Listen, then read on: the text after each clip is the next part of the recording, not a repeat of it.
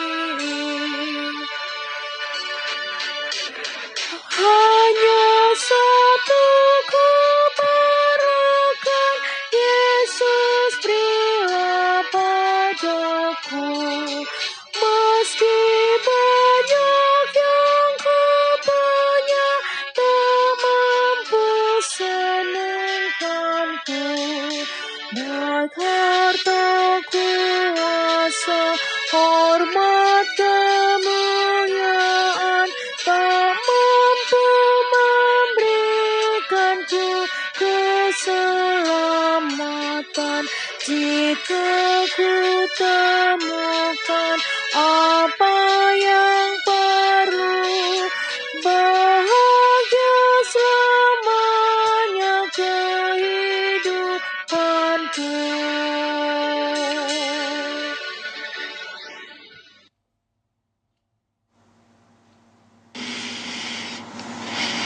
Mari kita berdoa.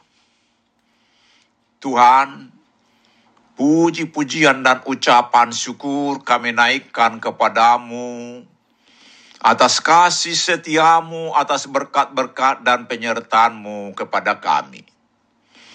Di pagi hari ini kami hendak mendengarkan dan merenungkan firman-Mu. Ungkapkan kepada kami kebenaran firman-Mu, dan tolong kami Tuhan melakukan firman-Mu dalam hidup kami. Di dalam nama Tuhan Yesus kami berdoa. Amin. Saudara-saudara yang dikasihi Tuhan Yesus, firman Tuhan untuk kita renungkan di pagi hari ini terambil dari Markus 8 ayat 35 dengan tema Hidup hanya untuk kerajaan Allah, demikian firman Tuhan. Karena siapa yang mau menyelamatkan nyawanya, ia akan kehilangan nyawanya. Tetapi barang siapa kehilangan nyawanya karena aku dan karena Injil, ia akan menyelamatkannya. Saudara-saudara yang dikasihi Tuhan Yesus, menjadi pengikut Yesus bukanlah sekedar fans atau penggemar. Harus jelas alasan mengapa mengikut Yesus agar jangan seperti Petrus yang mengikut Yesus hanya demi kepentingan duniawinya saja. Lalu di ayat 34, Yesus menyebutkan tiga syarat menjadi pengikut sejati Yesus.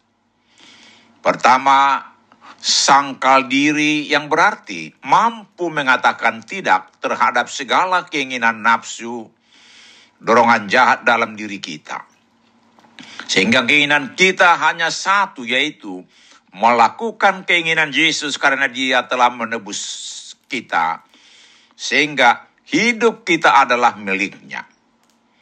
Kedua, bersedia kehilangan nyawa seperti seorang prajurit yang mau memberikan seluruh eksistensinya demi kemenangan bangsanya, bukan untuk menyelamatkan diri sendiri. Yang ketiga, pikul salib dan ikut Yesus. Yang berarti rela dihina dan dikorbankan demi Yesus. Yesus meletakkan salib di pundak kita masing-masing yang walaupun berbeda-beda bagi setiap orang, tetapi hakikatnya sama yaitu menderita. Tetapi bukan sekedar menderita, salib adalah penderitaan akibat kesetiaan dan ketaatan kita kepada Tuhan Yesus. Saudara-saudara yang dikasihi Tuhan Yesus, Tuhan Yesus menuntut kesetiaan dan keberanian meninggalkan kesenangan dunia demi kerajaannya apa pun yang kita lakukan selama hidup haruslah untuk kepentingan kerajaan Allah saja. Agar dapat memperoleh hidup yang kekal, hayatilah kebenaran firman Tuhan dan lakukan kehendaknya. Jangan tergiur kenikmatan dunia yang semu ini Tuhan Yesus sendiri pun menolak tawaran iblis dan mengatakan bahwa kita hanya berbakti kepada Allah saja. Lukas 4 ayat 8. Hanya orang yang rela kehilangan nyawanya demi Allah dan Injil yang dapat menjadi sahabat Tuhan. Sebaliknya, jika kita tidak rela kehilangan nyawa karena Allah dan Injil, itu berarti kita memilih bersahabat dengan dunia maka kita adalah musuh Allah. Yakobus 4 ayat 4. Mari kita berdoa. Tuhan, kami ingin menjadi sahabatmu. Tolonglah kami agar iman kami selalu kuat mengikut jalanmu. Amin. Selamat beraktivitas hari ini. Tuhan Yesus memberkati kita.